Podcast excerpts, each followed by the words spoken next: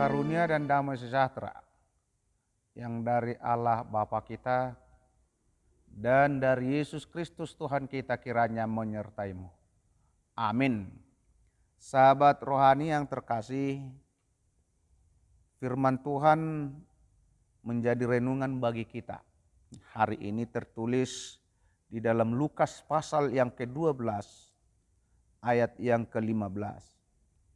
Katanya lagi kepada mereka, Berjaga-jagalah dan waspadalah terhadap segala ketamakan. Sebab walaupun seorang berlimpah-limpah hartanya, hidupnya tidaklah tergantung daripada kekayaannya itu. Demikian firman Tuhan. Ada banyak generasi di keluarga Kristen yang kehidupannya rusak oleh karena tidak ada waktu untuk bersama dengan keluarga. Ayah bunda sibuk dengan pekerjaan dengan alasan yang sangat klasik sering kita dengar. Cari uang untuk kebahagiaan keluarga. Terkadang bahkan sering uang memang menjadi raja yang memerintah dan bahkan memperbudak hati dan pikiran manusia. Orang yang berlimpah harta dan kekayaan yang dimaksudkan nats renungan kita ini bukanlah orang kaya yang bijaksana. Tetapi dia adalah orang kaya yang bodoh. Bodoh karena dia tidak dapat mengelola dan mengatur harta kekayaannya dengan baik demi kebutuhannya. Kesuksesan dan kekayaannya membuatnya menjadi budak. Harta dan budak uangnya sendiri.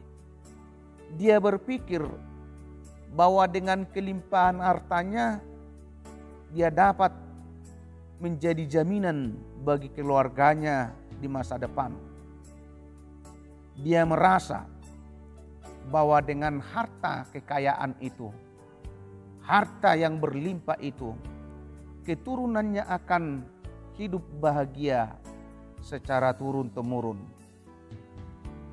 Orang berlimpah harta kekayaan dalam nats ini menjadi bodoh juga karena dia memakai hartanya tidak berakal budi, yaitu tidak memakai hikmat Tuhan jauh dari kehendak Tuhan.